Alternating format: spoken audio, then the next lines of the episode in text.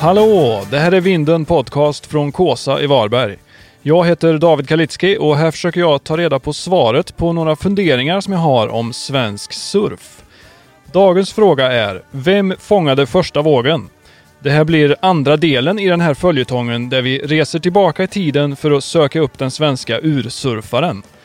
I första delen, som du kan lyssna på i avsnitt 29, fokuserade vi mest på Östersjön och landets norra delar med Grant Ratman Rudder. Jag håller på att följa upp många av de ledtrådarna från The Ratman, men det är väl så med såna här stora utredningar att man måste söka brett och kolla upp flera spår parallellt. Så idag tänkte jag öppna upp Kattegatt-mappen och rikta förstoringsglaset hit mot västkusten. Till min hjälp har jag tagit någon som har hållit till här betydligt längre än jag och de flesta andra tror jag.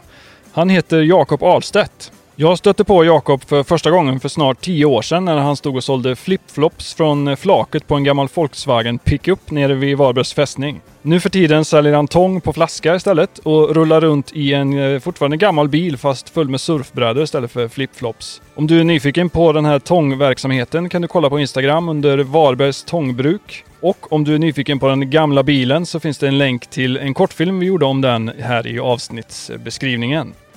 Men i alla fall, det här är mitt snack med Jakob Ahlstedt. Varsågoda! Välkommen hit då till eh, Vinden Podcast. Tack, det här är ju en, eh, det här är en stor ära, på riktigt. Är det så? Ja, jag tycker det här är bland det kultigaste som finns. Jag kanske inte har sett allting när det finns eh, podcasts och videocasts om, om svensk surfing, men det här är, som jag sa innan, det här är, det här är en kulturgärning. Ja, mäktigt. Tack så mycket. Men hur är läget? Det är bra, mm. det är utmärkt. Uh, lite nysurfad sen igår. Ja. Det är ju trevligt. Vad hade du en hel dag i vattnet? Nej, det hade jag inte. Uh, jag tror inte jag klarar heldagar längre. man träffar ungdomarna ibland nere i lejet kan tycka jag vi kan nämna här. Man träffar ungdomarna nere i lejet där och de säger så åh det är min, det är min fjärde go-out idag. Ja, herregud. What? Det tycker jag är mycket till och med. Ja, ja precis. Två, eh, två fixar jag, inte ja, mer än så. Nej. Två kan hända någon enskild gång. Nej, det var ett eftermiddagspass. Ja. Ett skymningspass. Det var bra eller?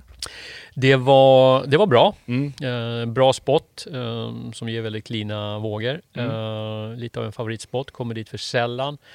Eh, sen var det inte så bra som det kan vara. Därför det, var, det var väldigt, väldigt högt vatten. Vi fick väldigt, väldigt mycket dubbelvågor som jag kallar det. Alltså mm. Alltså när man får en liten washback-klack framför just när man ska paddla in.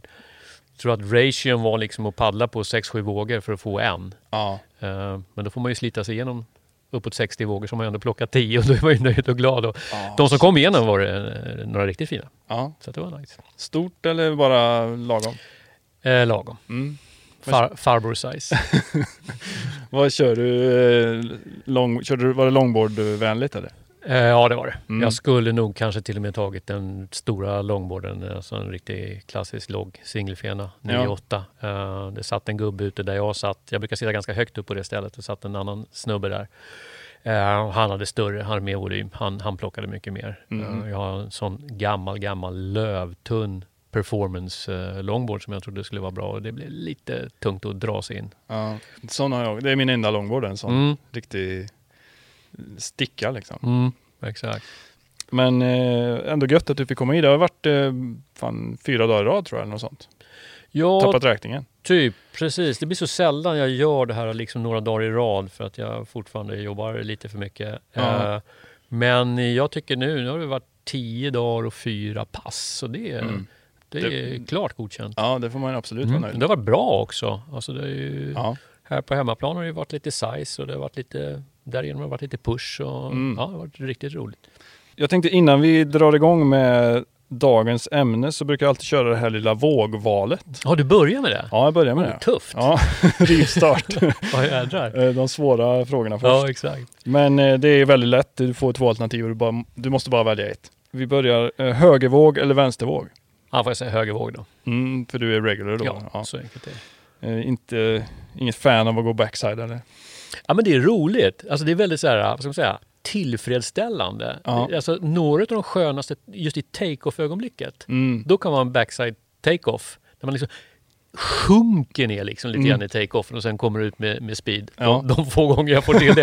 eh, så är det, ja, det är väldigt satisfying. Ja, det är det. Eh, men överlag så är det höger vågor. Ja, ja. Eh, beach break eller point break?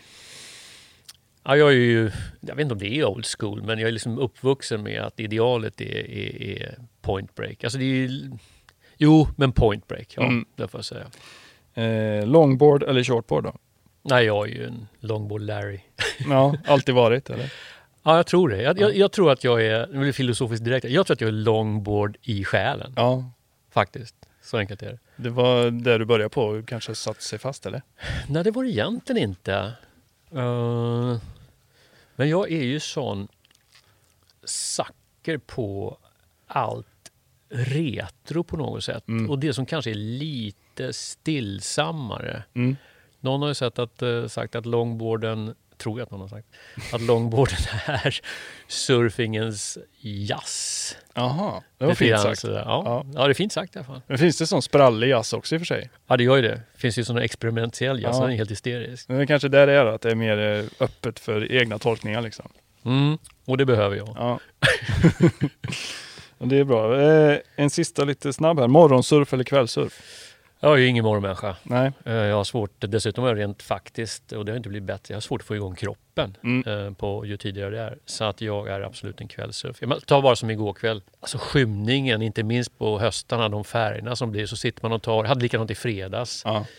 um, sitter man och tar sista vågen i ganska djup skymning och det finns ett orange skimmer på himlen. Ja men Ja. herregud. ja, den är god. Ja. Eh, vi tar några lite längre här, kanske svårare, jag vet inte. Det här blir ju lite på retrotemat kanske. Ja. Eh, spara alla gamla brädor av nostalgiska skäl. Eller bara ha brädor som används, allt annat är skräp. Nej gud vad jag sparar. Har alltså, du- jag är ju ren, ren hoarder. Gäller det alla grejer eller bara surfbrädorna? Det är nog lite generellt så. Ja. Eh, jag har svårt att göra mig av med saker som jag eh, älskar eller har älskat. Mm. Eh, det gäller surfingen, um, framförallt vågsurfingen. Windsurfingen är mera en... Alltså, windsurfing är lite grann mer en performance-sport kan jag tycka. Aha, alltså ja. om det... Ja, det är den termen jag skulle använda. Mm. Så där är liksom det, det senaste, nu har jag ju inte det i alla fall, men liksom det senaste, det, det har varit sån, sån utveckling på det Mm. området med lätthet i utrustning och, och ren performance i grejerna. Mm. Ehm, så där har jag tidigare i alla fall varit mån om att liksom ligga något sån här hyggligt med. Men surfingen vilar på så mycket traditioner och det är så olika upplevelser även med en gammal bräda Ja. som på många sätt inte alls eh, gäller idag. Ehm, sen så hade en sån upplevelse apropå det, var också nere, återigen Leje tycker jag vi kan nämna, Mm. eh, häromsistens och så träffade jag några av de här ungdomarna. Ehm, Hur gamla så- är ungdomarna? Ja, men du vet, de är så här 20, 21. Ja, ja. Eh, så. ehm, och så rusar någon fram mer eller mindre till min bräda och det, det tror jag är det nyaste jag har. Och bara, Åh, så jävla old school, fan vad läckert! ja, så absolut. Ja. Ja, jag håller kvar dem. Men inte bara av nostalgiska skäl utan även av att de erbjuder så olika upplevelser Ja. på vattnet och i vågen. Mm. Alltså har man plats så tycker jag man ska spara alla brädor. Jag har sålt av lite, jag har alltid ångrat det liksom. Ja, ja. Så det är bara dumt. Okej, en till då. Paddla lite för svagt och missa dagens största setvåg. Eller paddla lite för hårt och bli misshandlad av dagens största setvåg. Alltså jag är i grund och botten en fegis. Eh, det är jag faktiskt. Eh, eh, så att jag har alltid kämpat med, om man ska vara lite allvarlig, jag har alltid kämpat lite grann med, med lite för mycket rädsla i de här sporterna. Men det Ja. tror jag också har drivit mig till de här sporterna, för då blir jag lite förbannad. Mm. Sådär liksom att jag måste liksom ta det till nästa steg. Just det. Så att, eh, men jag tycker inte Jo, jag kan nog hålla tillbaka på ställen som där det är lite vassare vågor och jag går ner lite grann på brädstorlekar så kan jag nog hålla tillbaka. Mm. Eh, Men det är nog mer undermedvetet än någonting annat. När jag har lite självförtroende, nej men då, då, då paddlar jag hellre på och så får man liksom köra ett uh, bombdropp, alltså Mm. rätt ner. Eh, särskilt här, jag menar det händer ju inte så mycket. Nej. Det värsta är att man bara missar Ja, ett helt sätt och Ja, får kämpa ja. sig ut igen. Och så lite att det, man ser lite shameful ut, men det, det gör man väl generellt. Ja, det får man släppa. Ja. Men det är svårt det där. Alltså jag är heller ingen daredevil på något sätt. Liksom. Nej. Och det I stunden så tänker man aldrig på det, att man kanske håller tillbaka. Men precis efteråt så grämer man sig Ja, ju, alltså, alltid. Ja, Det, det försöker verkligen pusha mig lite där. precis. För eh, alltså, som du sa, vad är det värsta som kan hända? Liksom? Ja, ja. Det är bara ösa på. Men att, alltså, det är ju, oh, gud som jag har resonerat eh, kring detta med alltså the fear factor på något sätt Ja. eh, med kompisar eh, inom den här svängen. Och det är ju så uppenbart. Jag kom ju in i det här från windsurfing-sidan Ja. eh, tidigt då, mitten 80-tal, tidigt 80-tal. Och blev ju fascinerad framförallt av våg windsurfingen liksom. Mm. Det, det var ju det som tjusade mig. Och det var ju så uppenbart att de som, som vi brukar säga, lämnade hjärnan hemma när de gick ut på vattnet och lämnade den på stranden, Ja, blev ju de i särklass bästa. ja. Även rent tekniskt, därför att Mm. det är ingenting som håller tillbaka men en annan liksom fjösar runt lite. Ja, men det där var väl ett framåtförsök. ja. Mm, kanske inte, men Nej. ändå. Framåt som i framåtvolt. Ja, precis. För luften. sådana grejer. Alltså, bara som att ta ett exempel. Liksom, Ja. sådär. Vissa gick ju bara ut. Jaha, vad ska man göra? Ska man snurra ett varv framåt? Eller ja, visst. Boom! Fem meter upp, smack liksom. Så fick det gå som det gick. Nej, det, det där fixar inte jag. Och det, det har varit en hämsko eh, i, i utvecklingen. Jag menar, alltså, alltså jag har ju hållit på med detta så jäkla länge. Och det, det är väl egentligen enda anledningen till att jag blir inbjuden till ett sånt här eh, fint sammanhang. Bara för att jag har funnits med så förbaskat länge. För att jag, så länge jag har hållit på så borde jag, jag borde ju vara skitbra. Men det är jag ju inte. Jag är ju rätt kass liksom. Ja, men det, alltså, Och det där- handlar mycket om det tror jag. Rädslan. Ja, precis. Det är det, det som har hållit den tillbaka lite grann. Liksom. Ja, men det beror lite på vad man jämför sig med också väl. Så jag tror inte man kan kika på någon annan riktigt. Nej, man ska i alla fall försöka låta bli. Men det, det är inte alldeles lätt. Nej, det är lite lurigt. Mm. Men eh, du, du kom från windsurfingen. Ja. När började du med det då? Jag skulle säga att windsurfingen började 80-81. Hade nog provat så här 79 eller någonting i Fjällbacka där jag var mycket på sommarloven. Mm. Och det kom sig av att vi var tre killar som hängde ihop jättemycket, gick samma gymnasium. Eh, ena eh, kompisen hade lyxen, eh, det var en lyx för oss, som bodde ute på Skarpö utanför Vaxholm. Ja. Ehm, och vi körde mycket vattenskidor. Mhm. Men så var det en liten incident. Vi var långt ute i nordöstra skärgården där på vågkanten. Östersjön är ju så jädra kall. Och Mm. så, vi hade någon sån här Long John, Ja, som det hette, våtdräkt då, för att klargöra det. Tvådelad eller? Ja, tvådelad ja, Mm. precis. Jag Var det en sån där beaver tail också? Eller? Nej, det var nog precis passerat Beaver Tail-stadiet tror jag, Ja. våtdräkt. Och så var jag en kille i vattnet, jag körde båten för det var min båt och så hade jag en tredje kompis som satt, man satt och tittade bak och vi visste ju att det var kallt i vattnet. Vi kände inte till vattnet där, det var en vik Mm. man körde. Och, och så ramlade han ju av då. Men min kompis hade då just tittat fram för han var tvungen att kolla efter stenar också. Mm. Och så tittar vi bak, ja men där ligger ju Martin och, och, och sprattlar i vattnet. Så vi åker ju fram och ska plocka upp honom. Då är han helt så här liksom, nästan så här, vad heter det, kataton. Liksom. Mhm. Och blå om läpparna och grejer. Vad fasen händer? Börjat hyperventilera. Upp med båten, in till stranden. Ambulans, helikopter och Oj. grejer. Ehm, så han tröttnade ju i det ögonblicket på vattenskidor, så Ja. kan man uttrycka det. Och sålde alla grejerna. Det var ju han som hade grejerna. Och sen, då sprang han och köpte en Dufour Wing. Vad är det då? Så här traditionell eh, hala rigg eh, windsurfingbrädemodell som var stor Okej. där Ja. Runt 80. Och- Så jag och Johan då som min kompis heter, ehm, sa "Jaha, vad fasen gör vi nu då? Ja, Mm. det var ju bara att åka och köpa windsurfinggrejer så vi kunde hålla på tillsammans. Ja, ja, ja. Den här Martin han, han eh, la ner det sen eh, men Johan och jag blev helt eh, fast. Ja. Och precis då började de första bilderna komma, i alla fall i, i, inför våra ögon kring windsurfing på Hawaii då. Ja, med, ja, med ja. hopp och rida vågor och såna grejer. Då var vi torsk Hmm. helt enkelt. Vart körde ni vågvindsurf i Stockholmstrakten då? Alltså, Ja, skulle man köra då så var det Torö. ja, det var redan då eh, alltså. Som gällde, ja, Ja. precis, precis. Men vi gjorde inte mycket utan snabbt fick vi några åka skidor och surfsport också i näven. Jag tror det var åka skidor. De var ju tidigt på alla grejer. Ja, Och började prata om Varberg då. ja. Mm. Eh, Du vet, så vi satt och lusläste de här artiklarna där. Vi kunde ju alla liksom ställen, alla krogar och restauranger och campingplatser och allt vad det var. Um, Var vågvindsurfingen redan etablerad här då?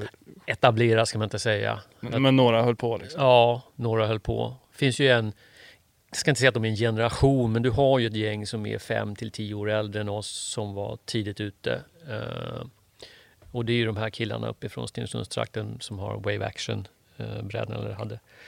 Um, ett Göteborgsgäng, uh, bröderna Britski och bröderna Adner och så vidare. och så vidare. De var ju för oss. Uh, nere på Gotland fanns det också, får Visby där. Uh, vad hette de? Göran Göransson och vad hette han? Axel, Axelsson. Ja, det var några som var tidigare. De var kanske 5-10 år mm. tidigare. Men de körde bara segel liksom, windsurf? Ja, de körde väl på platten också, hade roligt mm. med det. Men de var tidiga på att köra i vågorna och ja. var tidiga på att vara borta på Hawaii och sådana saker. Så. Okay. Mm. Och Kanarieöarna och så vidare. Men eh, ni blev lockade av att flytta hit då, till Varberg? Eller? Nej, vi blev lockade av att åka hit. Ja, ja. Blev jag. Ja. Det blev jag en sån här gammal historia, så, så de som känner mig har ju tröttnat på den här för länge sedan. Men jag och Johan satte oss i, eh, jag kommer inte ihåg vad det var, det var nog hans en av hans bubblor tror jag. Ja. Och packade den eh, med grejer på dag. Vi hade byggt då, det måste varit 83 tror jag. Hade vi byggt brädor hemma då. Mm. Uh, och det var ju svårt att se vad som var bak och fram på dem, men ändå. De hade ju fenor och stroppar och sådana grejer.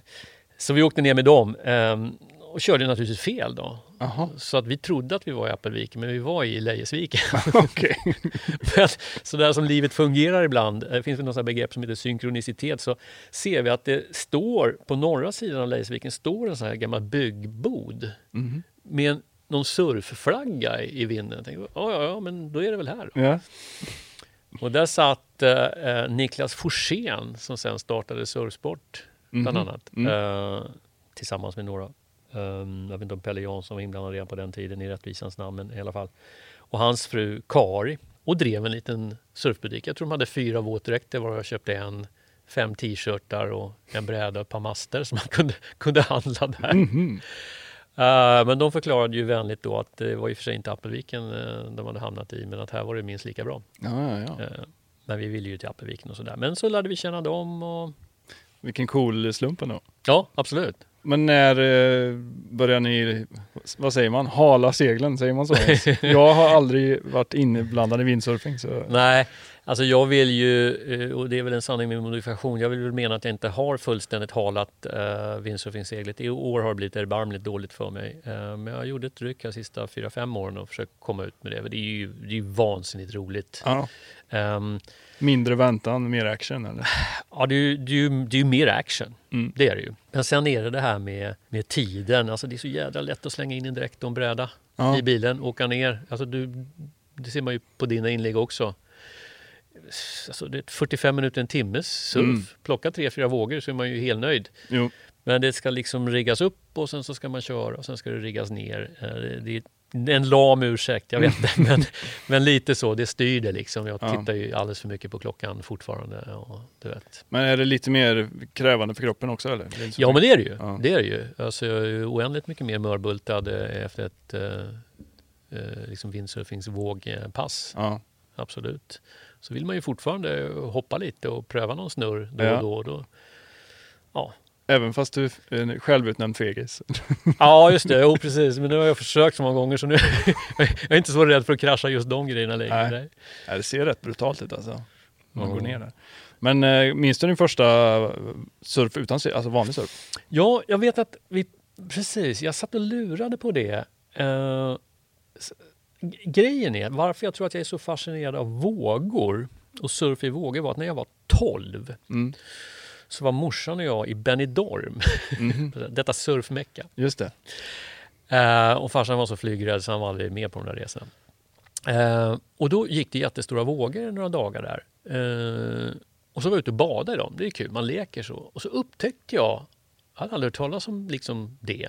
Så upptäckte att det blir ett sug. När, när vågen ställer sig så blir det ett sug bakåt. Det känner ju alla vi till. Mm. Den känslan är så, wow, här kan det hända någonting. Mm. Och då kände jag att om jag i rätt ögonblick slängde mig fram med den suget på kroppen så kunde jag ju åka på magen flera meter. Eller så mm. fick man sig en jädra tvättmaskin, men det var ju kul det också. Ja. Alltså, mjuk i kroppen på den tiden. Och jag fullständigt förälskade mig i den känslan. Alltså vansinnigt. Så jag tror att den levde kvar sen. Och det, det är fortfarande den känslan jag får när man börjar paddla in. Mm. Lite, lite känsla av baksug och sen så skjuter, du vet, herregud. Ja, fan vad sjukt att du säger det. Alltså jag hade exakt liknande upplevelse, fast Mallorca. Okay. När jag var kanske 10-12, ja. bodysurfa Medelhavet liksom. Ja, ja exakt. Det var... Så det är nog det första riktiga ja. surfen, för det tycker jag absolut man får räkna. Alltså, ja, så. absolut. Men med någon form av planka eller flytetyg Var det i Sverige eller utomlands? Jag tror nog ändå att det kan ha varit Lanzarote. För jag och Johan som jag nämnde och som fortfarande bor i stan, eh, vi hänger ihop jättemycket. Eh, vi bestämde oss för att åka till Kanarierna som första utlandssurfresa. Då, var mm. Men då hade vi träffat folk här nere som eh, var mera beresta än oss hade kommit liksom längre i den här utvecklingen som också höll på mycket med vindsurfing. Det var ju ett Uppsala-gäng som kom ner här tillsammans med Uffe Larsson som ju byggde de här Custom Line Surfboard, CLS-brädorna. Ah, ja. CLS finns fortfarande kvar där nere i viken? Eller? Ja, precis. Han bor ju i hörnan där efter ja. järnvägsövergången. Eh, och så hyr han ju ut eh, till gästande surfare i, i längorna där. Och han har väl fortfarande lite verkstad där ja. inne. Lite eh, dingfix och sånt? Ja, precis. Och han är ju otroligt skicklig på det. Och han är från Uppsala och då kom det ju med eh, några grabbar därifrån eh, och de träffade vi faktiskt första gången då när vi var nere och kom egentligen i fel vik för de dök också upp där nere vid den här lilla Aha. byggboden i norra lejet. Men de började berätta historier om den stora världen. Eh, mm. sådär, om Kanarieöarna och Hawaii och så. Mm. de hade ju redan liksom varit på de här ställena. Mm. Um, och de hade ju börjat sniffa på, på vågsurfingen. Ja. Så jag, du vet, minnet sviken lite grann. Men om jag kommer ihåg rätt så var det så vi kände, okej, okay, men ska vi ändå åka till Kanarieöarna? För inte minst jag hade blivit väldigt fascinerad av vågsurfingen mm. då. Om vi ändå ska åka till Kanarieöarna, ska vi inte slabba ihop en vågsurfingbräda också? Slabba ihop, alltså bygga en? Ja, ja. du vet sådär. Ja. Gammalt frigolitblock och fenorna sitter väl ungefär så här. Så. Ja. så den tog vi med oss. Jag tror att min första då paddle out med planka var i Playa Famara på norra Lanzarote. Just det. Var det. Eh, det var en, som det heter, en omtumlande upplevelse. Mm. Kan vi uttrycka det så? på alla sätt och vis. Mm. Eh, och jag vet att jag kom upp, eh, antagligen lätt förnedrad. Eh, och då hade redan en av fenorna ramlat av. Ah, okay. ja, det var lite så. bara av sväng då liksom? För det är ju mest sväng? Nej, nej, nej, bara av eh, skum. tumling liksom. ja. Och detta var 86. Ja, okay. Mm. Var det mycket eh, surfturister i Lanzarote då? Eller? Var ganska lugnt? Ja, det var en del windsurfingturister mm. var det. Uh, och det fanns ju, fanns ju en vågsurfingscen, det gjorde det absolut. Men mm. jag upplevde den då som mera, ja det ska jag inte säga, uh, mer lokal. Men det var just norra sidan. Mm, La Santa. Uh, La Santa, ja precis. Mm. Jag vet att där satt vi med, med, vi åkte upp med ett gäng fransmän som var ju duktiga. det var ju en rätt hårig våg alltså. Oh. Fy fasen. El Camao. Ja, så heter den så? Utanför sportcentret? Ja. ja, precis. Vi, vi satt och tittade på den högen då. Ja. Det är liksom som en liten vik så. Och jag vet, vi fiskade upp någon stackars britt vet du, som kom studsande över lavaklippen. Helt blodig. ja, nej, nej, nej men den är väl på riktigt liksom? Ja, det var på riktigt. Ja. Jag höll mig också till Famara. Ja. Men det fanns ett gött ställe på östkusten kanske det var, kommer jag ihåg. Vid akvariet där som var rätt fint. Ja, just det. Precis, precis. Som var lite mer, mer än vanlig beachbreak. Mm. Men eh, satte ni igång er hemma sen då också? Nej, Eller höll ni er till windsurfingen? Ja, jag höll oss till windsurfingen. Uh, men jag hade redan jag hade uppmärksammat väldigt, väldigt tidigt. Det kan ha varit redan där 83, 84. Men det kan också ha varit efter vi kom tillbaka från Kanarieöarna. För då fick vi jobb på Appelvikens camping här som nattvakter, vilket mm. var ju sån här drömjobbet. För, så det blev ett liksom säsongsjobb. Vi hade det några år sedan. Ah, ja, ja. Eh, man kunde surfa på dagarna. Men jag undrar om det inte var faktiskt innan. Men någonstans där i den svängen. Så hade jag uppmärksammat när jag vindsurfade, utgick då från den här norra sidan i lejet mm. och vindsurfade neråt, bort mot piren liksom, mm. och Sjöboda. Så såg jag på den sidan att jädrar, det rullade ju in liksom sådana här 60 centimeter där. Mm som var ju helt, helt, helt klina. Mm. Och där såddes det ett frö i mitt huvud. Men herregud, det här måste man ju kunna långborda. För ah, så pass ja. uppfattning om vad man kunde göra eh, och vad det fanns för olika typer av eh, surfbrädor, det hade jag uppenbart redan då som jag kommer ihåg det. Ja. Och då vet jag att nej, det här måste jag, det måste jag testa någon gång. Men det tog nog något år och jag tror att det, för mig startade nog vågsurfing grejen egentligen när jag var på Maui på Hawaii 89. Mm. För då såg vi alla till, några hade ju vågsurfat och var rätt så duktiga då i det gänget svenskar som var där. Um, bland annat var Marcus Boman över, vi bodde tillsammans och delade bil tillsammans och sådär. Så alla såg åtminstone till att åka på något jäkla swap meet och, och plocka upp någon bräda för 20-30 mm. dollar. Så gjorde ju även jag. Och då fanns det några små coves liksom, mm. där och där, där vi där är ju var snälla vågor men ändå är det lite push sådär. Man gav sig inte ut i Honolulu Bay liksom? Direkt. Ja, några gjorde ju det. Mm. Uh, och det var nog inte vågen som var det största problemet där. Det var nog mera locals som, ja, ja. som var bekymret där. Uh, och jag förstår, jag var aldrig nere där. Um, men jag körde faktiskt uh, Hokipa är ju ett känt uh, windsurfing ja. uh, break då. Precis nedanför det finns, säg rätt nu, uh, Lanes heter väl nästa peak där, okay. eh, som blir ja. lite längre västerut då. Det är alltså ett par hundra meter. Där vet jag att vi paddlade ut någon gång och det var ju lite mer på riktigt. Eh, där fick jag mina första riktiga goa wipeouts. Som ändå så här, du kommer upp på helt hög för det är ändå mm. roligt. Ja. Man, var ju upp och ner, vad hände liksom? Kan det vara på det här sättet? Ja. Så där började jag väl och det var då efter vi kom hem därifrån um, ja, började jag liksom ta tag i det lite grann och ägna mer tid och fokus åt det. Då, ja. också. Funkade det med din eh, hemmaslabbade bräda då eller? Nej, nej, nej, den var, den var död den och begraven sedan länge. Ja, ja. Ja, ja, det gjorde den. Vart, eh, vart hittade man grejer på 1986? Liksom? Här hemma? Ja. Nej, men det var ju inte så lätt. Uh, men det fanns ju som sagt en liten crew. Jag vet, jag köpte någonting, det kanske inte var så tidigt som 86, det var nog snarare 89-90 där. Um, så fanns det ju lite um, jag vet inte hur man fick reda på det, men det var väl hörsägen som folk hade varit ute och rest. Jag vet att jag köpte någon, eh, någon bräda av någon kille uppe i Norrland mm. eh, som skickades eh, hem hit. Eh, och så. så byggde vi, vi byggde lite grann själva också. Eh, minnet är lite vagt här. Alltså shortboards fanns det nog ändå redan på det som var Surface på den tiden, alltså Surface Paradise. På ja. den tiden. Jag tror att det gjorde det. De första. Um, fanns inga longboards då, 89. Nej. Det kom ett par år efteråt när Mackan hade liksom uh, tagit över shoppen. Och så. Ja. så min bräda, jag faktiskt körde igår, mm. um, en sydafrikansk bräda, uh, Safari Spider. Mm, men det har jag hört nämnas ja. många gånger. Den, uh, den var med vad vi förstod båda två, eller kommer ihåg båda två, Marcus och jag, att den var med i den första batchen av longboards som han tog hem. Jag vet inte om han tog hem en 6, 7, 8 stycken från ah, Sydafrika okay. då. Och den håller än idag? Liksom. Ja, mm. då, då, den har ändå gått av ett par gånger. Den gått av, eller en gång har den gått av nere i Timor vet jag. Och sen så har jag kört över den med gula bilen också. Men, ja. Det är coolt med sådana gamla. Ja, ja jag har faktiskt bestämt att den, den, ska faktiskt åka upp på väggen nu så jag ska försöka hitta lite tidigare i vinter. Jag pratade lite grann med en kompis om vi kan, om vi kan bygga en. Ja. Eh, sådär. Kändes vanligare då att testa själv och bygga sin bräda?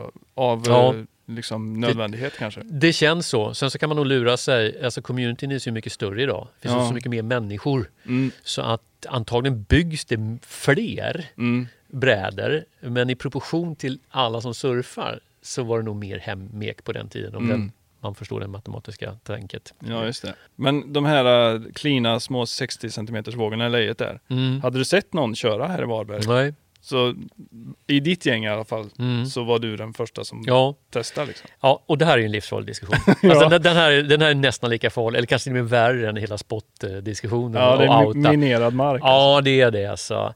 Jag hade ju i förra, det här blir lite som en del två ja. av det här äh, ämnet. Men förra avsnittet var mer fokuserat på norra Sverige ja. och Östersjön så. Och det var ju samma sak där att nej, jag vet inte vem som var först om det nej. var jag eller om det var han. Eller, Ja men du vet någon har alltid haft någon. Ja. Du vet ju med min, min farfar Karl Bertil. Han bodde på Tahiti i tre år och ja. kom hem med en, du vet. Ja. ja, det är det som är, det är en lite omöjlig uppgift men jag tänker det vore ja. coolt att komma så långt bak som möjligt. Liksom. Ja det vore det, vore. Um, det, det nej, känns, här... jag, jag vet ingen här som och har kört på längre än, än det i alla fall. Jag, jag, jag, tror att det jag möjligtvis kan ta åt mig äran av uh, uh, det är nog att jag kanske, kanske är jag, kanske, kanske är jag den första som har surfat longboard i lejet. Mm. Det kan vara så. Men återigen, det kan finnas någon fiskargubbes uh, son som hittar en gammal trall och ja. du vet, paddlar ut på. 81 eller 56 eller så är det. Men det kan vara så. Min, eh, min granne är ju eh, någon slags, eh, nästan racing tror jag. Ja, Man behöver väl vara tio generationer bakåt ja det är för att få ja, Men han menar ju att de byggde egna små kajaker typ och, och surfade. du ser. Men det räknar jag inte. Nej, nej, nej. Goat, goat boats går bort. Ja, precis. Så jag, tills någon hävdar motsatsen så tycker jag ändå att du kan ta ja. åt dig. Ja, men det är en öppen, det är en öppen challenge nu. Ja, precis. Ja. Men eh, fastnade du för det då eller var det bara Ja, ja. hopplöst? Liksom? Ja, nej, ja, ja, det var väl ganska hopplöst. Men eh, det- det är väl en av både mina styrkor och svagheter att eh, känslan var ju där. Alltså Ja. den här njutbara känslan som vi pratade om, det här suget bakåt och, och, och, sen skjutsen framåt. Sen var det ju det där att under den här skjutsen framåt så skulle man ju uppenbart försöka hoppa upp och ställa sig på fötterna. Mm, Det hade jag ju ganska grava bekymmer med. Eh, det var ju långt mellan surfskolorna och sånt Ja. på den tiden också. Och de glada tillropen från kompisar som kunde var ju mer som en kom igen nu då för helvete. just det. Gör det bara! Det var den, det var den typen av instruktioner jag fick. ja, Ja. Det var ju taget, var det inte så mycket folk där. Alltså det var inte så crowded. Nu det kan jag tycka är, alltså Lejet är ju ett, ett sånt ställe. Det är ju verkligen Mm. en, en playground. Ehm, och jag tycker att det är charmen där. Sen Mm. så, och det köper jag de argumenten. Jag vet ju människor som är också ganska upprörda över och bara vänta på, framförallt kanske ur en säkerhetsaspekt. För att det kan ju vara så och så också med, med disciplinen bland, bland alla de olika utövarna, Absolut. eh, vågsurfarna inräknat. Uh, ungdomlig iver och mm.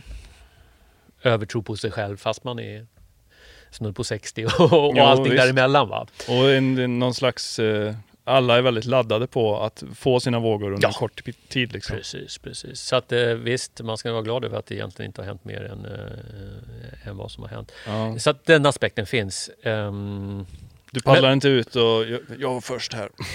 Försvinn. jag skulle gärna vilja. jag skulle vilja att det fanns någon typ av jävla respekt för Ja, det. ja, ja. Men du borde ha en sån eh, guldvåtdräkt eller ja, just ja, precis. Nu Ja, kommer han flytta på er. Nej då, nej, det är väl snarare tvärtom. Jag kan ju paddla ut ibland och då kan ju sitta någon 13-årig tjej med tandställning och morra åt den. Liksom. Vad gör du här gubbjävel? Liksom. Det är mer åt det hållet. Ja, ja, men du har, ju, du har ju rätt attityd i alla fall, tycker jag. Att du är mer mellow liksom. Ja. Du låter surfingen tala. ja, det vet jag inte, men jag tror att det har väl att göra. Jag tror att det hänger kanske i så fall, om det är på det sättet, vilket vore smickrande, eh, hänger nog mer ihop med det här med, det är väl, det, alltså, lång, förtjusning i longboarden, det är lite mer eftertänksamma, eftertänksamma, det är lite mer filosofiska i det. Det hänger nog ihop kanske med en mellow attityd också. Mm, Det finns någon koppling däremellan, Ja. oftast. så är det nog. Ja. Det återspeglas kanske Ja. vad man är för person. Blev ni ett, eh, ett surfgäng sen då eller? Jo, men det får man säga. Men det var inte så att eh, alla de här människorna ditchade windsurfingen på Nej. något sätt. Utan det blev ju ett väldigt, väldigt roligt komplement. Ja. eh, Då. Så att jag mm, egentligen ska jag nog påstå att alla i olika utsträckning i det här sällskapet, vi var ett stort gäng. Alltså vi var ju säkert 15, 16, kanske ända upp till 20 pers. Mm. Med kanske lite mer av en kärnshop någonstans där av 8-10 pers. Året runt liksom? Eller var det Ja, mest? ja, det får man säga. Ehm, och eh, alla, eh, ja, återigen i no, no, någon utsträckning eh, ägnade sig också åt eh, vågsurfing, hade någon planka. Ja. Vi var ju mycket över i Klittmölle till exempel. Då, då var ju alla ute och paddla Mm. och sådär emellan windsurfingdagarna. Liksom. Mm. Jagade ni lite annan typ av vågor då? Alltså var ni ute efter det här perfekta glassy peelers? Nej, alltså jag kanske var det, men jag vågar inte säga. Nej, men det, det rådde en... eh, Det här var ju före den här stora liksom internationella longboard revivalen. Ja. Eh, Det var ett antal år före där, kanske fyra, fem år, ja kanske mer. Mm. Men det var väl egentligen före den stora surfboomen Ja, men det var det. Ja, det var det. globalt också Ja. kan man väl säga? Men in, inom vågsurfingvärlden vill jag hävda att det var shortboard-fokus. Alla ville vara Kelly liksom. just det. Eh, Och många... En och en halv tums tjock bräda. Ja, precis. Och alla köpte ju sådana. Ja. Ja. 6-2 Channel Island liksom. 18 bred. Ja, 18 bred. Och så stod man ju där i skummet i Kåsa och Ja. juckade sig fram. Ja, ja, liksom. Så, ehm, ehm, ja, nej, så det var väldigt shortboard-fokus på den Ja. tiden, det måste man säga. Körde ni här i Kåsa också? eller? Oh ja, oh ja, jag har någonstans på en dia. Den dyker upp då och då, och då på Mackan just som ju sin vana trogen blev vass rätt snabbt Ja. eh, på det där. Så när vi kom hem från Hawaii, jag tror att bilden är på hösten 89. Jaha. Han kör i någon extremt neonfärgad eh, eh, våtdräkt och en sån liten, liten local motion chip liksom. Ja. Eh, men gör en ganska skön manöver, en skön bild faktiskt. Den Mäktigt. används i något sammanhang. Ja. Mm. Men eh, det var ändå lite mer points ni letade efter va? Eller? Jag tror att man letade efter vågor som, kun, som klarade, som matchade de här brädorna i och med att vi envisades med att ha lite för små brädor. Ja. Liksom. Så det var ju mera det tror jag man letade, en vå- vågor som var lite närmare, alltså var lite mer shor- shortboardvågor. Ja. För att få den här lite mer fartkänslan från windsurfingen då kanske? Eller? Alltså, återigen, nu är det jag som pratar, men Ja. får vi nästan fråga alla andra. Men jag tror att det var drömmen om att vara en snärtig agro shortboard-surfare Ja. som drev det. Det är faktiskt mitt intryck. Jag ber om ursäkt till alla som tar illa vid sig vid den kommentaren. Men det var sånt fokus på det. Liksom. Ja. Men sen när jag upplevde, och det kan jag inte riktigt komma ihåg, när jag upplevde hur det var att ta en lite lugnare våg och liksom på en långbåt få en glide, alltså helt enkelt få en planing på vågen under kontroll och att det inte bara var take-off into foam bath liksom. Eh, så ja, då, då, det bara bekräftade ju min känsla av att eh, longboard var nog mera min grej. Mm. The, the glide liksom. Ja. Eh, ja. Kände ni till de andra liksom, klickarna av surfare i Sverige? så? Jo, men det där gick ganska snabbt. Um, I och med att många då blev hookade på vågsurfing, åtminstone som en parallell syssla. Ja. Så, och många var ute och reste länge. Det var ett gäng eh, som... Många, alla har ju varit på Maui någon gång, så där blev många hookade på vågsurfingen. Sen var många i Australien Mm. eh, och körde och det var ju som samma kultur rådde ju där i mångt och mycket. Och passade på, jag vet inte riktigt hur det kom sig för jag tillhörde inte riktigt det gänget som körde, åkte ditåt. Men så hamnade många sen på Bali Mm. eh, och gjorde ett antal vänder dit. Och då var det ju bara fokus vågsurfing. Ja. Eh, så många i det här gänget blev ju faktiskt väldigt, väldigt duktiga där. Ja. Eh, och stabila liksom. Och då träffade de i sin tur, det här är mitt intryck, återigen nu är det jag som pratar, Mm. eh, träffade de ju andra svenskar som bara vågsurfade. Ja, ja, ja. Ehm, och då vet jag att det bland annat var ett Norrlandsgäng, varav en av dem var de jag köpte den här brädan av som jag berättade Mm. lite kort om. Och eh, en Skåneliga Mm. eh, som just den här klicken av våran crew, om man Mm. får säga så, i min ålder fortfarande. och den klicken där nere, de blev nog rätt eh, goda vänner. Och eh, de här skåningarna i förtroende, eh, ganska stort förtroende vill jag påstå, eh, berättade om några spots Mm. där nere i Skåneland som ju väldigt kända idag. Och till slut var det väl någon som tyckte att eh, Jakob kan ju inte surfa men han är ändå rätt trevlig prick att ha med sig på de här vännerna så vi kanske vågar ta med oss honom Ja. eh, i alla fall och Ja. skicka ut han där. Och eh, då vet jag att eh, de här skåningarna då tyckte att det var kanske lite över det var kanske en man Ja, för mycket. Ja. Men sen insåg de ju ganska snart att jag var ju rätt harmlös på line-up så att det, det spelade inte, någon, Nej. inte någon större roll. Då. Nej. Men eh, det, det, det vet jag att eh, så tror, i min känsla av att den här communityn lite grann växte de här Mm. tidiga åren. eh, Så som man fick kontakt med varandra Mm. lite runt om i landet.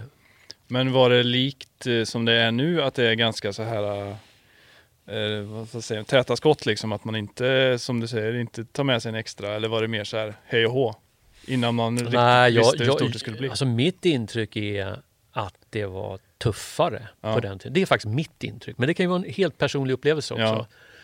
Och jag, återigen, privat spaning. Mm.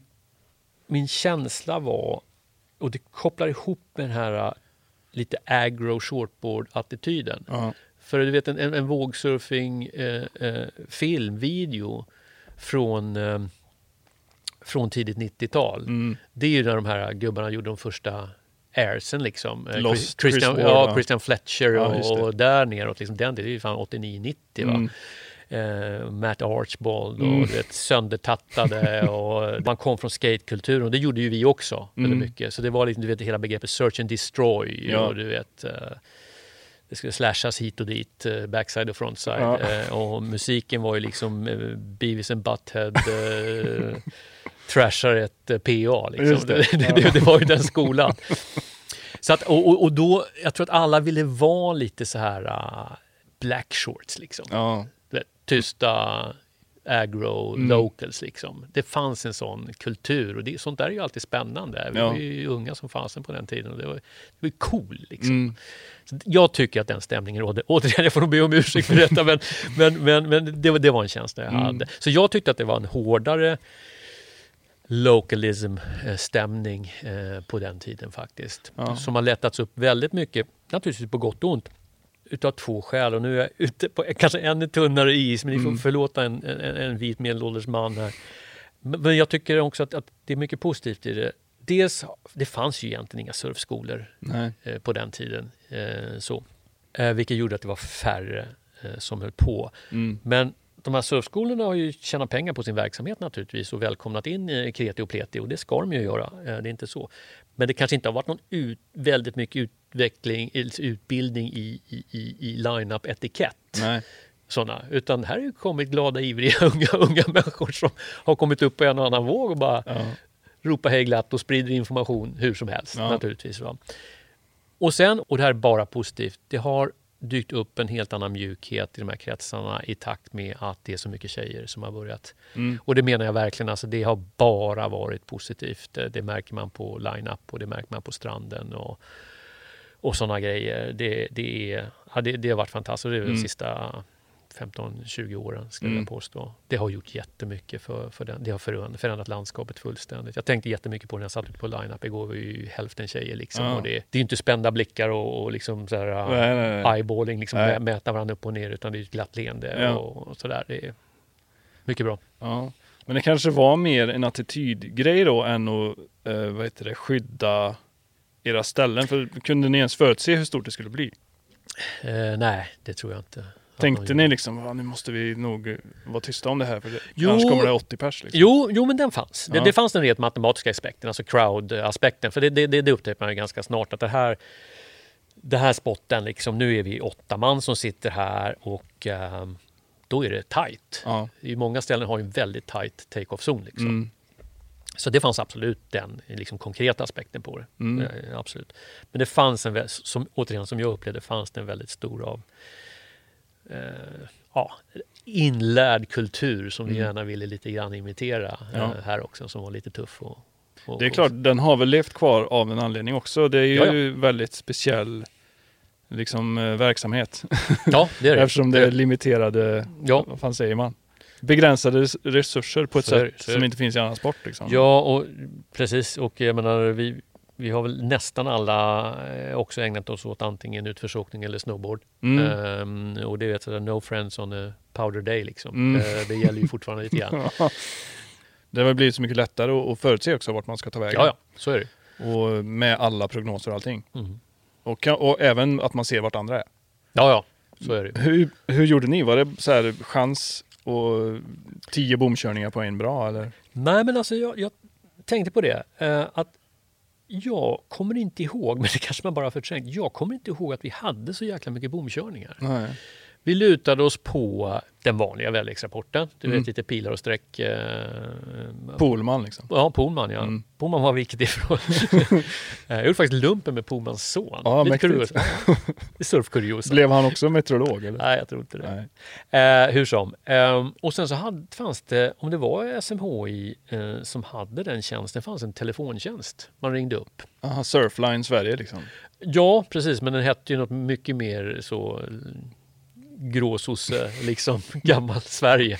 Eh, och så lästes det upp då rapporter, det var prognoser faktiskt. Mhm. Och, och jag tror att de till och med sa, liksom, indikerade så här, vet, om de sa 13 till 15 sekundmeter Mm. sydväst, 90 procents sannolikhet. Mhm. Så det är ganska raffinerat. Ja, ja, ja. Eh, den gick vi hårt på. Ehm, nej, jag tror, och vi åkte ändå ganska långt, vi åkte mycket till Skåne. ja. Eh, jag har väldigt få minnen av, av, av bomkörningar. Det händer ju naturligtvis, men ja. nej. Man kanske åkte på säkrare prognoser då? Säkrare kort. Ja, lite så. Mm. Men nu jobbar du heltid nu eller? Ja. Du kommer ändå ut ganska ofta? ja, för jag har eh, ändå lyxen, alltså jag jobbar väldigt många timmar, eh, men jag har lyxen att ha en tjänst som eh, inte är så övervakande. Det är många sådana här, vad heter det, skuggmöten. Ja, just det. Nej, men alltså jag har en stor flexibilitet i när jag lägger mina arbetstimmar. Så det är, Ja. det, är det jag utnyttjar. Det är ju praktiskt. Mm. Står du över de sämsta dagarna eller vill du fortfarande komma iväg alltid liksom när det är? Nej, jag vill inte alltid komma iväg. Nej. Eh, Och jag står över eh, de tveksamma dagarna. Eh, men om det kommer en annan tid och man fortfarande har kroppen hyggligt med sig så kommer jag gå tillbaka till det. Det kommer Mm. jag absolut göra, för det, det ger ändå så jäkla mycket. Det vet ju säkert du som körde det här 100 surfdagar på ett år-projektet. Ja, då får man ju paddla ut i nästan vad som helst. Ja. Eh, men man kan ju bli förvånad alltså. Ja, verkligen. Många gånger. Eh, Jag hade någon sån gräns att jag skulle ta tre vågor per, per gång. Liksom, ja, för det skulle räknas. skulle ja. räknas, ja. just det, just det. Det var inte alltid det var lätt heller. Men eh, som du säger, det var ju vissa dagar så här, det här är ingenting. Men när man Nej. kom ut så var det ändå någonting. Liksom. Nej, och sen har jag upptäckt att när man har haft förmånen att åka utomlands till lite mer riktiga ställen eh, att det här att ha paddlat ut på många skitdagar. Mm. Du vet, okej nu har jag ändå dräkten på mig, jag sitter här i vattnet. Och så kommer det några eh, liksom 40 centimeter glidande då och då. Man lär sig Ja. att paddla in på saker som man inte hade gjort annars. Ja. Man blir väldigt man blir icke bekväm. Liksom. Och jag Mm. vet att jag har sådana minnen från jag hade förmånen att vara eh, på Noosa, eh, Mm. Australien, som är verkligen klassiskt långbord. Ja. Det var helt fantastiskt. Och det var, när jag, vi var där var inga märkvärdiga dagar, så det var lite segt, men folk pallade ändå ut och lite verkligen så semestersurfare och sådär. Ja. Och det var ju rätt mycket folk. Men jag la mig på ett ställe där det var, det var liksom vågor jag kände igen. Det var ju ingen som kom på tanken att paddla in på dem. Så vet, folk tittade så här. Till slut var det någon gubbe som paddlade upp till mig och så bara Jävlar vad du paddlar! Och det hade jag aldrig tänkt på att ta liksom. Det var ju fan briljant sa han. De ville ligga där uppe, vad heter det, Ja. T-tree eh, längst Ja upp. exakt, liksom, exakt, exakt. Och där hände det nästan ingenting. Men Nej. jag slet mig in på det här. Och de kom ju sen på insidan som fasen. Ja, ja, så med mina svenska mått mätt var det ju ett helt fantastiskt surf. Liksom. Så det finns ju verkligen fördelar med det. Mm. Och gå ut i allt. Det är nog väldigt lätt att bli eh, bortskämd alltså. Ja, ja, ja, visst, visst. ja, jag tror det går snabbt. Jag har alltid sett det som att surf här hemma är en grej och utomlands är en Ja. annan grej. Men det börjar liksom luckras upp mer och mer tycker jag. Ja, men det tycker jag nog också. Att man kan acceptera hemmasurfet som, ja men det är det här som är det riktiga för mig nu Ja, liksom. ja. Känner du likadant eller? Ja, jag håller med om den spaningen. Ja. Jag pratade faktiskt med min dotter om det häromdagen som jag kom igång sista åren. Det har min grabb också gjort. Ehm, men hon är mer här på hemmaplan. Eh, Så vi har varit ute lite grann här nu under sista tiden. Eh, Hon har fått bra kläm på det.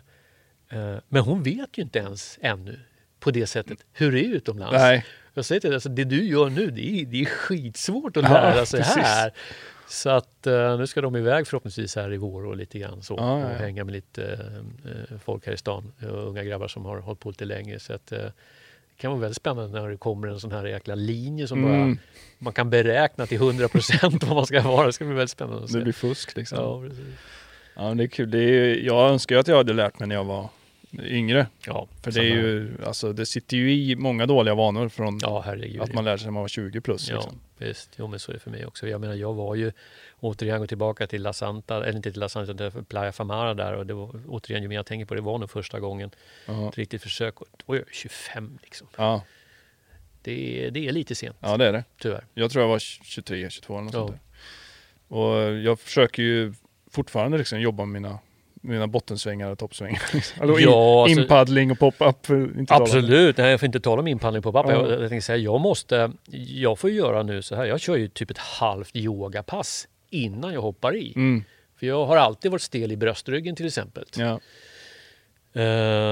Och så man, man- sitter där ute och ser man vissa paddla liksom, du vet, och även i min ålder, liksom, du vet, blicken är precis rakt fram. Ja. Jag får ju kämpa liksom. Så. Och jag tänkte väldigt mycket på det igår, för jag hade fallit tillbaka här nu i förra veckan lite grann, för att man, det har gått så bra den här Mm. säsongen. Liksom. Ah, jävlar, jävlar, det går fint det här. Mm. börjar jag slappna av. Och det händer nästan varje säsong. Ja. Och sen, vad hände nu? Vad var det där för jäkla eh, noob eh, Ja. take-off liksom? Man kommer ner på jorden direkt. Ja. Ja. Och det är just det att jag måste jobba så jäkla mycket. Jag måste göra halva yogapasset så jag är så mjuk som möjligt i min ålder när jag hoppar i. Annars är det kört. Liksom. Mm. Ja. Det blir skitdåliga sessions. Och sen måste jag tänka varje moment. Liksom, sådär att, Okej, nu när du paddlar in kan du inte ligga liksom, i stort sett med hakan på brädan och paddla in. Liksom, Nej. utan du måste upp. Och liksom, ligg högt Ja. och paddla in när du tar av. Alltså, jag vet att det är så standardgrejer men jag måste ha, all, jag måste ha fokus fort på alla de här detaljerna. Jag har Mm. väldigt svårt att bara göra det på ren eh, ryggmärg. Ja. Vilket känns ju otroligt eh, efter 30 år, liksom, men, eller 35, men, men så är det. Mm. Men det, jag tror att det också har blivit lite viktigare för mig nu, trots allt med åldern. Kroppen stelnar lite grann och så här, jag måste liksom, just det, vad är det, det är de här en, två, tre, de här grejerna måste jag ha fokus på. Mm. Då går det bra. Ja. Ligger bara lallar så, nej, då kan det haverera. Liksom. ja, men det kanske blir viktigare också. Du vill få ut maximalt av varje session. Liksom. Ja, precis. På något sätt så, även, även för mig, så ökar ju lite grann kraven Mm. eh, över åren. Lite så. Mm. Men det är väl viktigt kanske att hitta andra grejer utanför surfet, eller? Ja, det tror jag. Ja. Om, man, om man primärt ska ägna sig åt det här. Ja, Det, det tror jag absolut. man blir lite, kan bli lite knäpp annars. Ja, ja. Det finns två aspekter på det så spontant. Jag, jag tänker på dig som eh, skater mycket. Ja. och Flowar runt. Uh, och jävlar vad du flowar. jag är superimponerad. Jag håller mig på marken. Det tänkte jag har varit ett bra sätt att undvika skador. Ja, Inga- men det är nog klokt. Men det är väl en superbra grej. Mm. Dessutom tror jag, det har vi pratat om tidigare privat och jag, att jag tror att det bygger eh, teknik och känsla Ja, gud, ja. eh, över kroppen, hur man rör den, det här och look where you're going Mm. och, och, och det flowet. Um, Det är svin många grejer som inte går att träna, men det Det som det. går att träna Mm. hittar man mm. bra tycker jag. Ja, Absolut. Jag har ju, jag har ju hemma, och alldeles, ägnar alldeles för lite tid åt det. gör jag. Jag har ju, dels köpte jag ju en bräda av dig. Ja, just det. eh, Du som var ju- tidig med det faktiskt. Ja, faktiskt med det. Eh, som ju är helt underbart Mm. att ligga och pumpa runt på den. Mm. Sen så gjorde jag ju en sån inspirerad av det här amerikanska företaget Hamboards som gjorde såna enorma Mm. Eh, longboards liksom. Ja. Så jag och en kompis gjorde det eh, för ett antal år sedan. Det är mest ungarna som har åkt runt på dem. Du vet, de har Mm. su- suttit två stycken och åkt och tjutit. Så här. Det är det är fine liksom. Ja. Men jag höll på ganska mycket tag just för att slipa lite crossstep. Ja, ja, ja. Eh, så. Och det var inte så att det helt har löst den eh, nyckeln slash gåtan för mig. Nej. Men det har, det har gjort eh, gott. Det Mm. har verkligen gjort resultat. Och den är också väldigt mysig och flowy och Mm. susar runt på lite grann. sådär. Jag kör mer den här, ja, ihop med fötterna, istället för fötterna ihop med, Ja, inte den jag här. gör det. Alltså jag, jag, jag har en natur, alltså naturlig, då menar jag inte att det ser kanske så naturligt ut, men jag har en i, i ryggmärgen har jag en naturlig eh, crossstep när jag går tillbaka. Aha. Jag har mera problem, jag får bestämma mig, det är mer medvetet när jag gör det framåt. Ja, okej. Då har jag tagit det aktiva beslutet att nu ska Mm. du crosssteppa fram. Ja. Men sen så när jag ska gå tillba- tillbaka, det bara kommer. Mhm. Eh, Kör du alltid utan Ja, leash eller med leash? nej, jag varierar. Alltså jag, Mm. jag kör ju helst leashless ehm, eh, så, när jag kör den eh, Mm. liksom loggen. Men nu är det en säkerhetsfaktor. Ja. Det gick bra för ett antal år sedan. När du var nu- själv i lejet? Ja, precis. Men även nu liksom små pilande fina långbordvågor i, i, i en tisdag i november så är det för mycket folk för att våga köra utan leash. Mm. Eh, så att nej, det blir ändå det. Men eh, om man, eh, vid sidan av brädor överhuvudtaget, du har ju en annan liten eh, hobby. Kan man kalla det för en hobby eller? Mm, Det beror på vad du menar. Du eh, dyker gör du kanske inte, men du skördar tång. Ja, just det. Precis. Ja, det är ett sidospår Ja. ehm, som började för några år sedan bara. Eh, jag och min fru, får man säga, eh, vi plockar tång. Uh, framförallt en sort då. Ja. om man ska vara lite vetenskaplig så hör den till kategorin brunalg. Eh, kallas för sågtång, för det har vi väldigt mycket av här. Okej. den. Den blåser upp, den lossnar väldigt lätt i samband med blåsandet. Mhm. Eh, så vi plockar det som vi brukar uttrycka som naturen skördar åt oss själva. I strandkanten alltså? Eller? Ja, ska man säga. Ja. Precis. Eh, så går vi runt eh, och plockar det och sen så eh, har vi en liten process som vi har lärt oss så att vi eh, på ungefär en 8-10 veckors tid gör det till en lösning, en, ett koncentrat, ett flytande koncentrat Ja. som är en alldeles fantastisk eh, eh, näring för eh, växter. Ja. Inte växtor, Växter. växter heter det i plural. Eh, både sådär ute i trädgården och eh, i krukorna och blomlådorna. Så lite sidoprojekt. Och det säljer ni på burk då? Liksom, till, Ja, på flaska, precis. Väldigt- till butiker? Eller? Ja, Ja. vi har ett antal återförsäljare runt om i landet. Alltså det är extremt småskaligt. Ja. Eh, men eh, det finns väl en tanke av att det där... Det finns två grundtankar med det där som gör att jag är rätt passionerad kring det där och det har inte att göra med ett stort odlings och trädgårdsintresse. Det Mm. har att göra med ett stort havsintresse. Mm. Önskan och viljan och drivet att spendera så mycket tid som möjligt så nära havet som möjligt. Mm. Ehm, så. Och eh, det andra är att jag hoppas att det ska kunna växa så pass så att man kanske här i min ålder då om ett par år kan köra en liten switch over, gå ner i arbetstid på det det vanliga jobbet det. eh, och liksom fylla på Mm. eh, med det här. Det, det var väl egentligen det som eh, faktiskt startade att vi, vi gjorde någonting utav det. Att jag gjorde någonting utav det. Det låter som en bra plan ju. Ja, det är det. På, på sikt, fem, tio Mm. år kanske? Eller? ja, fem hade jag nog i alla fall velat Ja. hålla det inom eh, faktiskt. Hur mycket, liksom, många burkar behöver du kränga för att kunna ha det som en inkomst överhuvudtaget? Jag skulle nog vilja kunna komma upp till eh, 10 000. 10 000 burkar Mm. på en liksom skörd, eller vad säger man? Nej, på, på ett år. På ett år? Ja. Mm, mm. Och, och eh, hur mycket jobb är det att få ihop all den tången då? Ja, men det är inte så farligt. Man behöver inte gå ut och kratta varje dag liksom? Nej, nej, absolut inte. Mm. Alltså det är såna enorma mängder. Det är sjuka mängder. Mm. Det är fascinerande faktiskt. Eh, typ om du har en liter Ja. eh, tång. Ja. Och vad får du ut av det? På en liter tång får du väl ut en... Ja, egentligen får du nog ut en liter. Det låter Ja. konstigt. Mm. Men eh, eh, det här står i vatten. Mm. Så att det är inte bara tången. Det är inte så att vi sitter och kramar ur det här. Nej, nej, nej. Sådär, va? Ja. Utan det är vattnet som omgärdar den här tången och den processen som sker där mellan vattnet och, eh, eh, och eh, tången. Och det är en jäsningsprocess och det är en urlakningsprocess. Då. Mm. Har du det här puttrande i garaget hemma? Ja, vi hade det i vår, vår gamla källare under köket. mm. För sån ruttnande tång brukar inte lukta så. Nej, det gjorde det inte där heller kan jag säga. Och framför allt då, kanske inte så farligt i köket just, men vi har en tvättstuga innan där, groventré tvättstuga. Där är det, har vi aldrig brytt oss om att riktigt täta. Där. Så att det blev väl, eh, inte fullständigt ohållbart, men det var ändå lite en sanitär olägenhet efter ett tag. Så nu har vi en lokal här i, Mhm. i stan. Ja, ja. eh, men då växer ni ju lite så Jo då, vi, ja, men vi har växt. Det är bara att det är fortfarande väl, det är inte ens, ja det är väl kaffepengar då. Ja. Det är väl det. Jag kan till och med kanske någon gång köpa sådana lyxiga kapslar.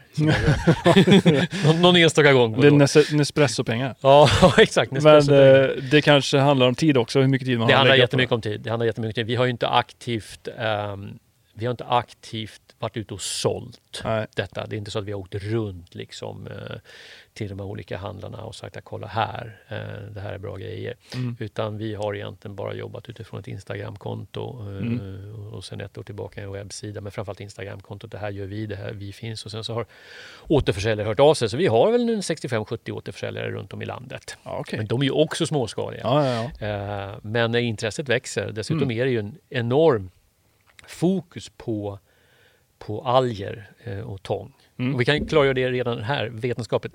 Alger är alltså tång, tång är alger. Eh, Så, så det är så det hänger ihop. Så det är samma slags grejer som fastnar i min leash här på Kåsa? Ja, liksom? det är det, Ja. precis. Så att eh, får du med ett kilo så och kom över till mig. Jag får nog med mer. Igår var det helt sjukt. ja, ja, här kan det bli riktigt tjuvtjockt ja, alltså. ja, visst. Den drog mig bakåt. Ja, ja, ja, visst, visst. Men, ja. Nej så så är det. Så vi får väl se. Men det, det finns ett jättefokus på alger i- idag, sedan några år tillbaka. Inte minst ehm, för lite grann i den här allmänna diskussionen kring framtidens proteiner, framtidens föda. Det. Eh, och det kan jag väl också tycka att jag har nu rör jag mig i de här sammanhangen, eh, i de här branscherna, eh, i och med att vi gör det vi gör. Ja. Så jag träffar ju alla de här som gör väldigt stora satsningar Mm. på det här som mat. Och jag stoppar ju mycket hellre i med ett, eh, en repa sockertång än jag kör fyra odlade gräshoppor. Mhm. Eh, som också har varit i fokus för Ja, att precis. lösa framtidens eh, mattillförsel. Liksom. Ja. Så- Men ni plockar superlokalt här i Varberg? eller? Ja, primärt. Här. Secret spots?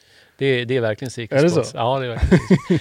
Det där är en känslig diskussion. Är det som Eh, svampställen i skogen? Liksom? Ja, ja, eh, det var ju en gång i tiden. Mm. Framförallt det här med tångtäkter var ju superviktigt. Ehm, och det här är en känslig, kanske inte diskussion, men det är det att i och med att den verksamheten har liksom försvunnit Mm. så är lagstiftningen och regelverket kring det här lite diffust idag. Det finns jag tror ett rättsfall som man liksom lutar sig på hela tiden. Det är från så här 1885. Mm. Någon stackars dräng som gick och drog upp några ruskor från en grannbondens tomt och fick väl sitta slagen i järn på Varbergs torg eller vad det nu var. Liksom. Eh, och det, det är det som gäller fortfarande. Jaha, ja, Eh, så att jag tror att både vi som är, håller på inom området och, och länsstyrelser och myndigheter eh, försöker hitta en väg framåt. Jag personligen anser väl att det självklara hade ju varit att sortera det här under allemansrätten. Ja. Så, som det är med svamp och bär. Liksom. Mm. Men vi får se. Ja, ja. Men du är lite så tidigt in i grejer, eller? Surf, tång? Jag kan vara tidigt in i grejer eh, och samtidigt är jag ju den här retronissen. Så Ja. jag är också så hopplös romantiker och nostalgiker samma Just gång. Liksom. Hur fan går det ihop egentligen? du är tidigt in och sen håller du fast vid det du hittar liksom. Ja, men jag tänkte på det när vi pratade om det här med brädor, om man, om Mm. man hårdar eller samlar, behåller. Mm. Så här är det med mig. Sen om det är en bra eller dålig sak, vet jag, men så här, så här funkar jag. Om jag väljer ut en surfbräda eller som att jag har valt ut den här bilen Mm. eller att jag har låtit bygga, får jag väl erkänna, den här motorcykeln jag har. Mhm. Då har jag gjort det, och likadant där vi bor, det hus vi bor, då Mm. har jag gjort det, kanske inte nödvändigtvis så bra, Nej, nej. men jag har gjort det så nogsamt utifrån vad jag vill ha. Mm. Så det är ju förälskelser. Mm. och som sen övergår till kärlek. Alltså det, det är verkligen djup kärlek för att det är precis den brädan vill jag ha. Precis den motorcykeln ska se ut sådär. Det huset i den miljön, precis så vill jag ha mitt liv. Sen så har jag kompisar och det är jag väldigt avundsjuk på. Må- Många är mer så här, "Ah, fan nu var det över, nu var det över. Fan, nu, något nytt hade varit roligt, något nytt hade varit roligt nu. Nu låter det som att jag säger att det är negativt för att men det där blir lite grann ett, lite en, en låsning för mig också. Ja, ja. För jag har hittat fram till liksom ett sätt då, eller en sak. Mm. Då vill jag hålla kvar vid det. Så Just jag det. blir väldigt oflexibel på det sättet. Ja. Men jag kan vara tidigt på saker. Ja. Ja, det är ja. imponerande. Ja, det vet jag Det, är ju, inte. ja, men det krävs lite karaktär ändå och inte bara det liksom eh, vara lite ihärdig där. ja, det kan det vara. Det är väl lite som eh, i vattnet också. Man inte ger upp första bästa. Nej, nej, nej. nej. Men eh, frågan för dagen var ju eh, vem tog första vågen? Det är ju en stor fråga. Men eh, vem tog första vågen? Ja, du tänker på eh, just... Ja, det blir lite västkust edition här då. Ja, det blir ju verkligen västkust edition. Jag vill, alltså någonstans så får man ju... Återigen, vi pratar om generationer. På samma sätt så jag har sån otrolig respekt för de här som var där en tiotal år före mig. Mm. Ehm, och som fortfarande bidrar mycket. Just det här Wave Action-gänget bara som exempel. Christer Holm där och andra, de håller på och fotar. De, vet, de jobbar ju verkligen med att föreviga och, Ja, ja, och ligga ja. kvar. Sen kan någon ha en dålig rygg eller en Ja. du vet, halvfot och sådär och kanske inte kan segla eller surfa så mycket själva. Men, men jag tänker också, jag vill ändå dra in östsidan där. Det var ju många som har tillhört den här communityn också som har varit extremt tidigt ute och det här Uppsala-gänget med Rolle Naringbauer, Jonas Burman, Matte Nyman som, som fortfarande bor kvar här. De var ju supertidiga och, och duktiga, otroligt passionerade. Eh, och sen så har ju de verkliga legenderna så som jag upplevt inom vågsurfing Sverige. De är ju väldigt östkustbaserade. Det är ju Bing Eliasson. Vad är Mm. han idag? Han börjar väl närma sig 65 i alla fall. Mhm. Janne Ekstedt. Ehm, Peter Klang som har gjort så jäkla mycket för, för Surf-Sverige och Swedish Förbundskapten? Ja, Mm. precis, precis. Och eh, Henjo Skaldin, tidigt, tidigt ute. Flera av de här namnen var ju också spår från del ett av det här avsnittet. Ja, men det förstår jag. jag har, ja, ja, det förstår jag. Men det är bra, breddar utredningen lite här så jag får Ja. många, många spår Ja, att gå på. precis. Liksom. Eh, och, och jag menar, sen vet jag att det fanns, och det har varit någon artikel om någon gång, och de ska absolut säkert creddas här. Det fanns ju ett Halmstad-gäng som var jättetidiga också. Jag har nog personligen inte haft någon kontakt med dem, men det kan vara mera i mitt gäng med, med, med Fille Bergström, Molly Molin, Mackan och Janne Persson och de som, som vågsurfade tidigare och, och, och framförallt mycket bättre än mig. Mm. De kan säkert haft connections eh, med dem. Så det har ju funnits sådana som du säger enklaver. Mm. Det finns säkert Gotlands locals liksom. Ja, ja, ja. Eh, Locals som jag inte känner igen. Och Sundsvall har ju varit en jättescen. ja. Eh, runt Salosand och, och så. så att, eh, Men här omkring kan vi kanske slå fast att du var bland de första i alla fall. ja, bland de första. Mm. Inte den första, Nej. det vill jag inte säga, men bland de första. Det är som att man aldrig tar sista åket, man, man är aldrig den första. Nej, precis. Och jag vill ju understryka, jag vill verkligen understryka det faktum. För att även om vi var kanske ungefärligt samtida med vågsurfingen här, Mm. så skulle jag aldrig någonsin komma på att jämföra mig surfmässigt med Mackan och Janne Persson och även de som kom rent, rent från skaten här, alltså som Tony Kamari och Mm. Christian och, och de runt det gänget. Liksom. Eh, aldrig, aldrig, aldrig haft en extremt långsam utvecklingskurva. Eh, jag brukar säga så här att min, min surfing kännetecknas, av 95% kärlek till sporten och Ja. den är gedigen och 5% skills. Ja, ja. Nå- nå- någonstans där. Ja, eh, men det är ju soul. Du är en soul surfer då. ja, kanske mer av det. Mm.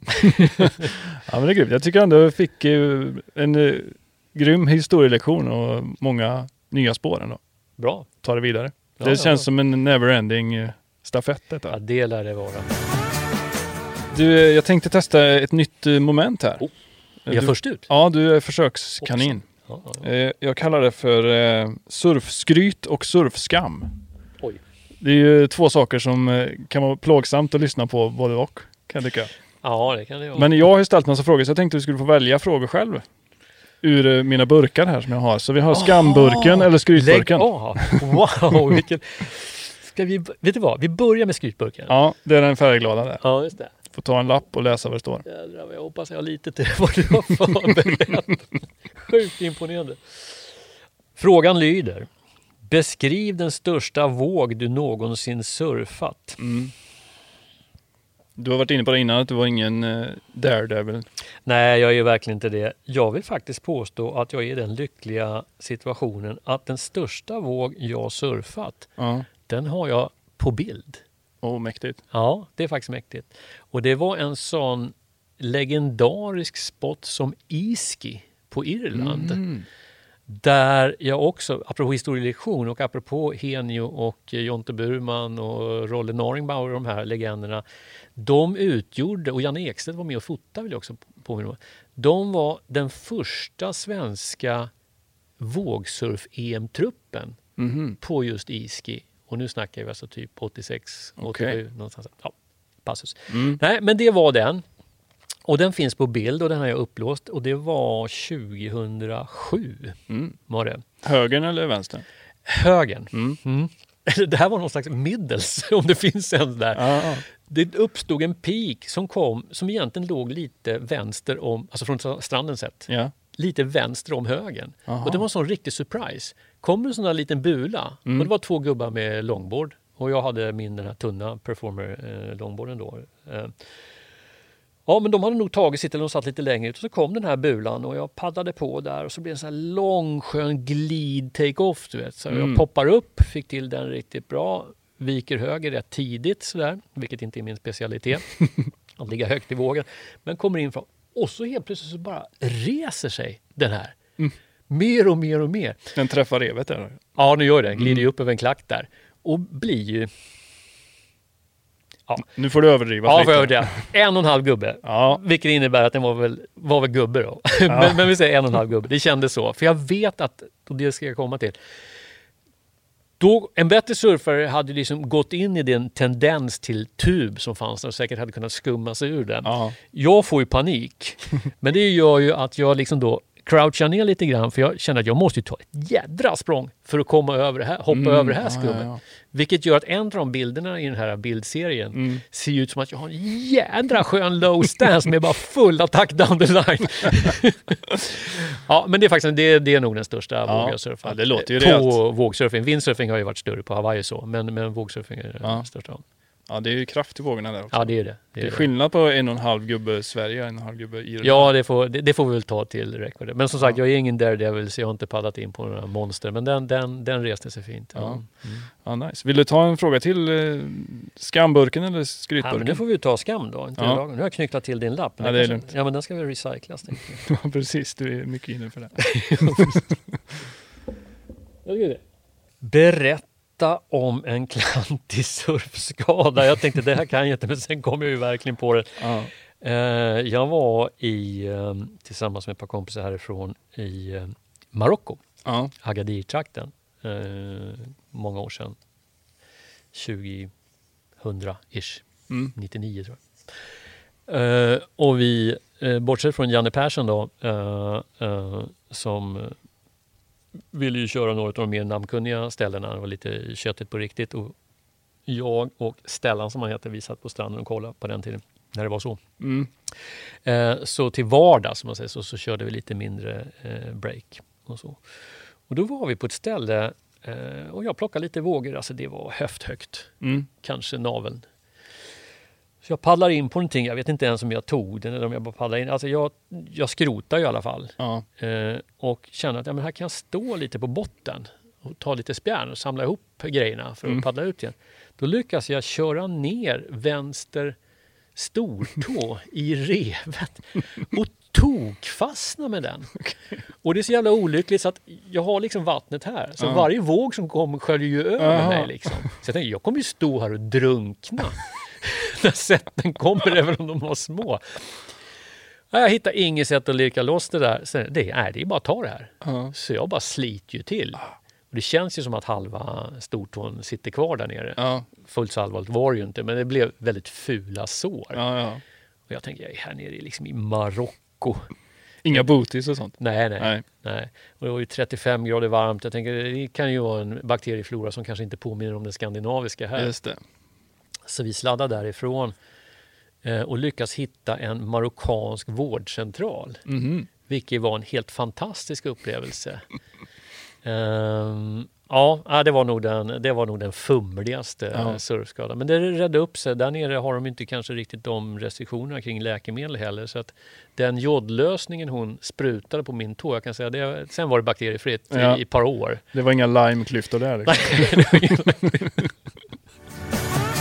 Jag brukar alltid avsluta med leken som kallas för en gång, alltid, aldrig. Jag vet, jag Ja. vet. Du känner till den sedan innan. Ja. Eh, ett spot som du får surfa en gång och aldrig mer. Ett spot som du får surfa när du vill. Och ett spot du kan klara dig helt utan då. Mm. Kåsa Beach är ju alltid en kandidat, Jo. nummer ett. Eh, sen får vi väl ta Lejet då, där du var en Mm. early adopter. Mm. Och så kan vi väl säga Famara då.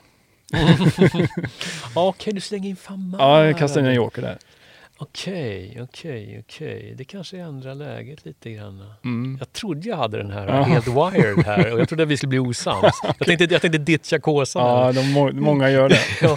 Nej, men det här förändrar läget. Ja. Eh, Det gör det faktiskt. Ehm, så vi kan gå härifrån som vänner. Ja. Ehm, då väljer... Vad sa du? Det är en gång och aldrig mer. Mm. Och det är hela tiden och... Och aldrig någonsin. Inte ens en sista avskeds... Ja, just det. Ja, precis. Okej, nej, men då kanske vi blir lite osams i alla fall. Mm. Eh, då tar jag aldrig mer eh, Famara. Mm. Eh, det kan jag välja bort. Det, Ja. finns, det finns andra ställen. Eh, lejet blir min... Nej, men det blir, ja, just det. Jag tar en annan. Kåsa blir nog en gång. Mm. En sista. En sista. Sista kanonvåg. Ja, ja, precis. Och det är väl det som är, jag tycker är problemet med Kåsa. Jag har väldigt få kanonvågor där. Ja. Det är lite nödsurfställe för mig. Ja, samma här Eh, faktiskt. ja, men det beror lite grann på mina mm, alltså, eh, shortboardbegränsningar också tror jag. Ja, För mig är det verkligen liksom take-off into foam. ja. ja. Det är det som händer. Liksom. ja. Eh, och i lejet, visst, det är ju en, en rätt sömnig våg. Det får Mm. man säga. Men när det trycker på så kan man få en rätt kul dropp där ute. Och man kan ju få långa, glasiga face framför sig. Särskilt under långboardförhållande. Så att där, Mm. det kan jag aldrig släppa. Nej. Jag vill ju ha en sån, det har jag ju tänkt med. Jag- Jag sänder det budskapet till alla. När jag går bort en dag, Jaha. för det verkar ju tydligen oundvikligt, Ja. så vill jag ha en paddle-out i, i lejet. Klassisk paddle-out, så. Mm. En liten urna, så ska Ja. det strö, askan ska strös där. Det är, Starkt. det är det enda jag begär. Ja, ja. Det är fint ju. ja, det är en fin tanke. Ja, men vi säger så. Lay it forever. Ja, late forever. Ja, det borde du nästan gadda någonstans. Va? Just det. Du, eh, stort tack för att du ville vara med och dela med dig. Jättekul. Det var sjukt kul att snacka. Detsamma. Hoppas vi ses eh, i vattnet. Ja, men det gör vi ju. Det lär vi göra. Ja. Eh, tack för idag. Toppen. Tack själv. Ciao.